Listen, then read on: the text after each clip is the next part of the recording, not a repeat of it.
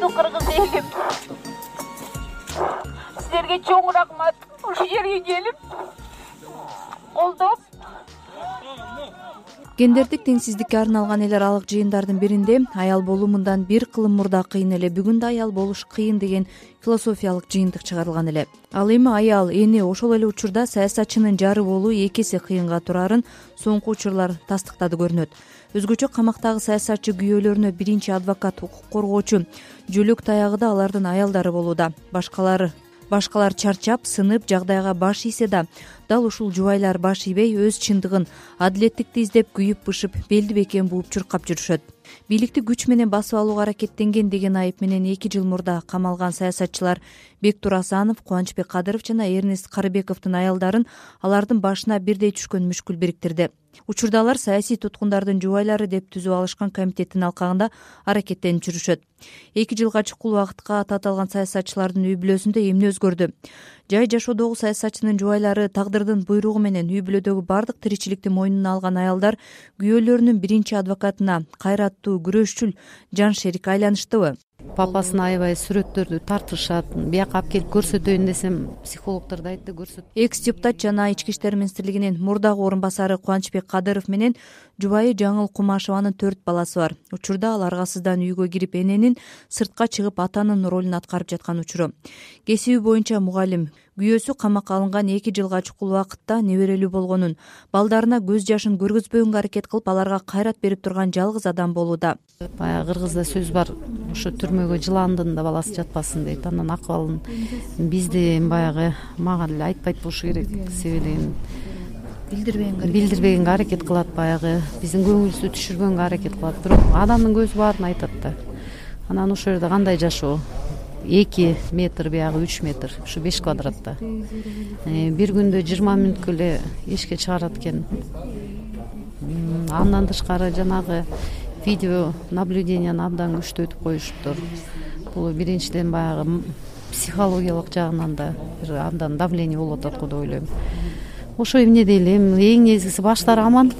Ушу баштары аман болсо эми бул күн деле өтөр. Баары жакшы болот го деп ойлойм. Эки жылдын ичинде неберелүү болдук биз кызым улуу кызым көтөрүп канча деген кыйынчылыктарды деле өтүп атабыз биз деле баягы үй бүлөдө. Балдарды деле багыш деле кыйын аял кишиге жаңылдын айтымында улуу балдары атасы менен мүмкүнчүлүк болгондо көрүшүп акты караны айырмалаганга жарап калышкан. Кичүүлөрүнө атасынын абакта экенин айтпаганга үйдө да ал тууралуу сүйлөшпөгөнгө аракет кылышат. Анткени менен кичинекейлер атасына болгон сезимдерин жашырбай сагынычын сүрөттөрдөн чыгарышат экен. Папасын аябай сүрөттөрдү тартышат бияка алып келип көрсөтөйүн десем психологдор да айтты көрсөтпөгүлө деп. Эмнеге дегенде баягы атасы эми командировкада длительный эми келет деп эле ошо үмүт менен отурабыз. Баягы белибизди бекем бууп атабыз болушунча. Ыйыбызды көрсөтпөйбүз балдарыбызга себеби дегенде эне деген азыр атанын да ролун ойноп үйгө кирип эне эшикке чыгып ата болуп анан кийин биз өзүбүздүн ыйыбызды көрсөтсөк балдар деген баягы ишенгени бүгүнкү күндө бизбиз. Анан ыйласак ойлошот абдан эле абалы оор начар экен деп ойлошот. Ошол ыйыбызды да көрсөтпөгөнгө аракет кылабыз кичинекей балдарыбызга.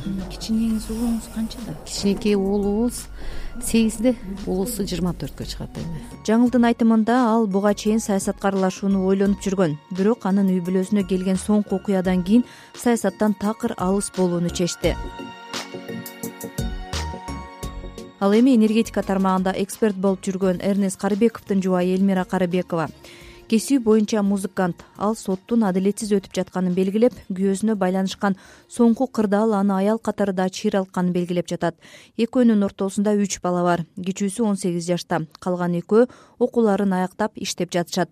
Конечно кыйын болуп атат бүт баарына жетишкенге эме кылып атабыз жумушка деле үй бүлөгө ооруп да калабыз. Эми турмуштун өзүнүн эмеси ошондой болуп атат баары бир бүт баарына туруштук кылып эме кылып атабыз жашап атабыз дальше все саясатчынын аялы болуу кыйын бекен саясатчынын аялы эми кыйын потому что мындай жөнөкөй аялга мындай эмелер келбейт болуш керек.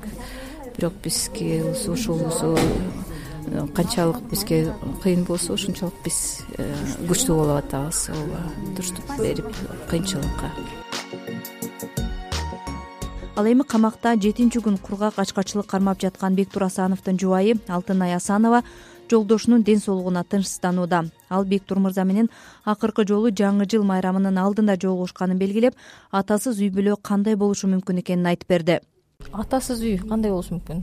Э, үйдөгү баардык нерсени ошол чечип ошол жасачу. Мен аял катары балдардын тарбиясына үй ичиндеги жумуштарга э, ушу тууган урук менен мамиле ушуларга эле карачумун бектур отурганда бир алты айча чынында кандай бир ордумду таппагандай болуп аябай кыйналдым десем болот. Кудайга шүгүр достор бар экен тууган урук бар экен моралдык жактан өздөрүнүн жардамдарын берип турушту. Бирок анан ушул эки жыл ичинде биздин төрт балабыз бар эки кыз эки уулубуз бар. Чоңубуз жыйырма төрт жашта чоңоюп калган. Андан кийинкиси жыйырма эки жашта он сегиз жашта анан кичинекейибиз он жашта ушул бектур отургандан бери балдарым аябай чоңойду десем болот моралдык жактан. Азыр алар өздөрүн бир чоң адамдардай эле алып жүрүшөт э, экөө иштеп үй бүлөнүн бюджети ошолордун экөөнүн айлыгынан эле турат десем болот. Бектур ушунча кызматтарда жүрдү.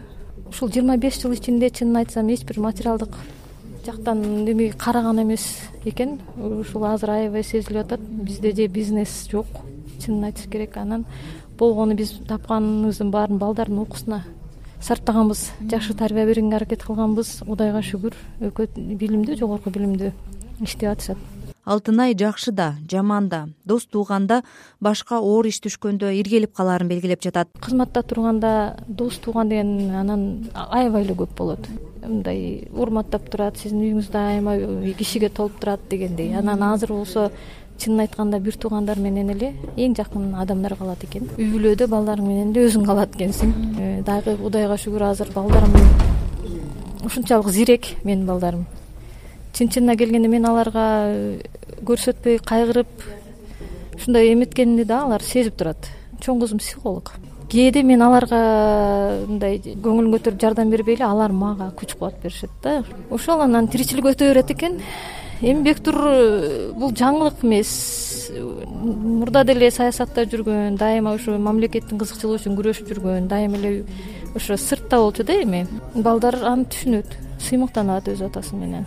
Бир көр тиричиликтин айынан болуп эле бир бүлөнүн эле маселесин чечкен эркек эмес дайыма. Ошон үчүн бул элдик киши аны биз туура эле кабыл алабыз камалды деген бул аябай оор сөз.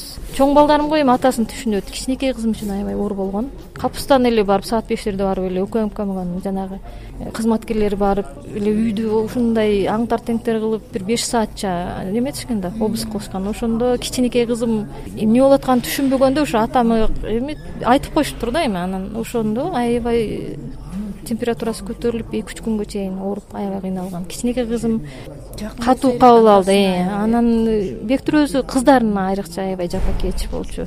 Азыр эми атасыз атанын мээрими жок өскөн деле бир топ кыйын кыздарыма кыйын эле болуп атат эми анын үстүнө бектур курман болчу. Балдар ар бир кылыгын кылык жоругун айтып эле кечке төгөтө алышпайт аябай сыймыктанышат.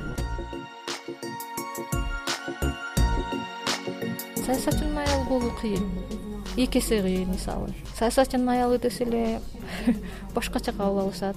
Биз деле кадимки аялбыз шуба кийип жүргөн. Э, өзүнчө эле укмуш э, шоферу бар анан кийин ушундай телохранительдер бар. Башкача болот бир жөнөкөй тиричиликти кандай десем. Жокту барды түшүнбөйт деп ойлошот. Андай эмес. Тагдырдын эмеси экен бир кичине бизнес кылып азыр чынын айтсам мен төрт балам менен квартирада турам. Эки комната. Жокто жок барда бар дегендей камалган саясатчылардын артында жапа чеккен жубайлар эле эмес энелер да бар. Бектур асановдун сексендеги энеси анын ачкачылык жарыялап жатканын катуу кабыл алды дейт жубайы алтын. Азыркы күндө апасы ооруп келген ачкачылык жарыялабай эле койсо болмок деп аябай кабатыр болуп звонить этип атат сексенге чыгып калды. Баягы келип беш мүнөт убакыт берип көрсөтүп кеткен. Энеге кыйын энеге кыйын экен. Башкалар ар ким өзүнүн тиричилиги менен эстегенде эстейт эстебегенде бирок энеге кыйын. Анан үй бүлөсүнө кыйын бектур асанов кубанычбек кадыров жана эрнест карыбековго байланыштуу сот жабык өтүп ага жакындары да киргизилбейт. Ошого карабай ар бир соттук териштирүүдө жубайлары моралдык колдоо болсун деп ошол имаратты айланчыктап жүрүшөт. Биз мисалы сотко көрбөгөнүбүз менен бизди ушул келгенибизди сезип турсун деп атайын сот болгон сайын келебиз. Мисалы жабык өтөт. Жолугушка деле кээде кээде бир убакыт берип а так сырт келатканын кетип атканын эле көрүп калабыз. Ошол канчалык аларга күч кубат болот моралдык жактан жардам бизге деле ошондой. Көрүп алып эле анан укмуш болгонсуп бир аябай сүйүнүп кетебиз.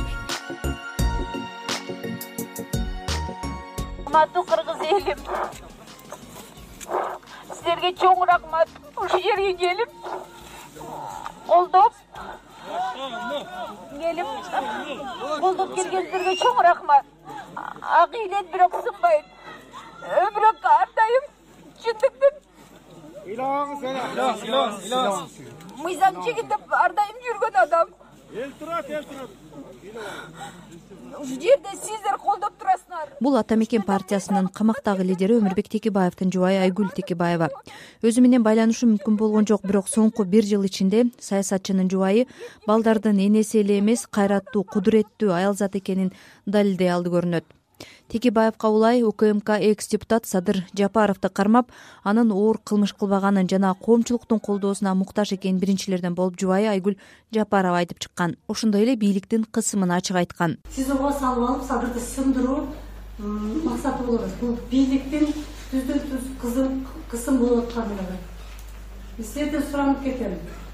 Садырды биякта эч катуу кылмышкер катары кармабаңыздар садыр өзүнүн мекенинин патриот мекенчил адамы. Ал эми дагы бир мурдагы депутат кыргызстан партиясынын лидери канатбек исаев былтыр сентябрда камакка алынган. Анын өмүрлүк жары жамиля исаева саясатчынын камалганын анын кичүү кызы менен апасына айтпай жатышканын билдирүүдө. Исаевдин апасы жетимиш сегиз жашта саясатчынын камалышы жашоого болгон көз карашты. Жашоодогу баалуулуктарды өзгөрттү деп эсептейт. Бирдемеге умтулуп башкача эмени ойлосоң азыр болсо ойлойт экенсиң эң негизгиси ден соолук жашооң коштондук. Жашооңду көбүрөөк баалап калат экенсиң да. Жакын киши менен баркыңды билип каласың да. Үй бүлөнүн чогуу болгонун барсак каласың. Мурун болсо эртең менен түнгө чейин жок болчу эле анан кээ бирде айтчу элек а это хоть эртерээк келсең болот деп. Азыр болсо ойлойт экенсиң. Ой бош эле жүрсө болмосун эли жүрө берсе деп эки миң онунчу жылдан бери кырктан ашуун саясатчы камалып сот жообуна тартылган. Алардын дагы негизги колдоочулары өмүр жолдоштору болгон. Сиздер аялзат берүүсүн уктуңуздар аны обого даярдап алып чыккан канымгүл элкеева